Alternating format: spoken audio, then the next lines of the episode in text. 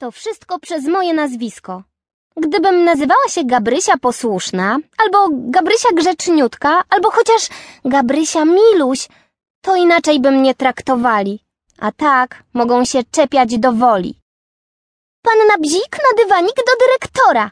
Słyszałam to już tyle razy, że chyba wytatuuję sobie to zdanie na ramieniu. Oczywiście jak dorosnę, bo teraz rodzice by mi nie pozwolili. Zamiast tego prowadzę sekretny dzienniczek psotniczek. Odnotowuję w nim każdą wizytę w gabinecie dyrektora. Profesjonalnie. W tabelce. W pierwszej rubryczce jest data i godzina wizyty. W drugiej powód.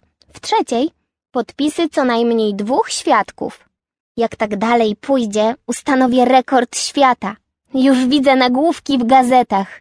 Gabrysia Bzik, najczęściej karana uczennica w dziejach szkolnictwa. Minister edukacji przyznaje. Bzik nas pokonała! Dywanik gabinetowy Gabrysia. Promocja dla szkół i placówek oświatowych. Ostatni wpis w moim dzienniczku jest z dzisiaj. Dzień 16 kwiecień 2013. Wtorek. Godzina 9.40. Powód wizyty? Pisanie liścików na zajęciach. A co niby miałam robić, kiedy skończyłam rozwiązywać zadania w zeszycie ćwiczeń? Zmazać je i rozwiązywać jeszcze raz? Odpada, bo pani zabrania nam mazać w zeszytach. Poprosić o więcej zadań? Wtedy wyszłabym na kujonkę. Siedzieć bez ruchu i czekać na dzwonek?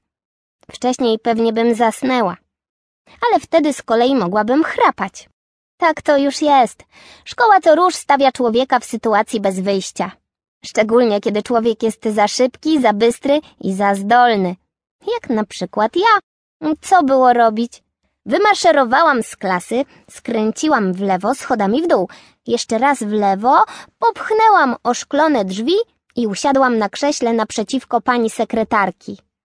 Drzwi do gabinetu pana dyrektora miałam po prawej, drzwi do gabinetu jego zastępcy po lewej. Ze ścian spoglądali na mnie dwaj czarno-biali panowie i jedna pani. Wszyscy lekko nieostrzy. Dzień dobry, pani Konopnicka. Cześć, panie Makuszyński. Siema, panie Korczak. Przywitałam się z nimi wesoło. W końcu to nie ich wina, że tu wiszą i całymi dniami gapią się w zakratowane okno za plecami pani sekretarki. Tak, wiem. Jestem trochę dziwna. To po babci Anieli. Ona całe życie rozmawiała z duchami i kotami. Nauczyła się tego w czasie wojny. Ja też czasami odezwę się do zwierzęcia albo obrazu, chociaż bez wzajemności.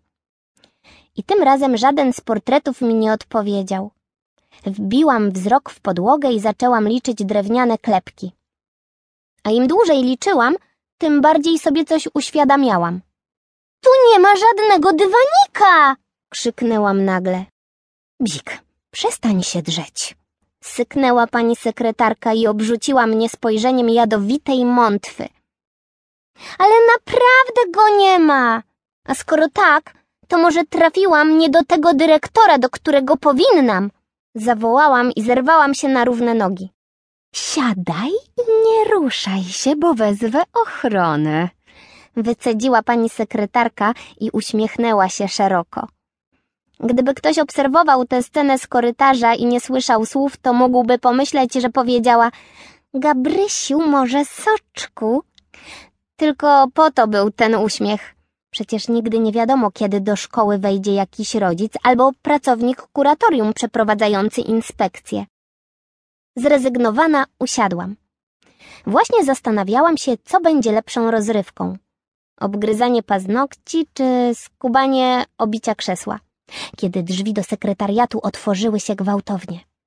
Do środka wszedł Nilsson, nowy chłopak z mojej klasy i bez słowa klapnął na krześle obok.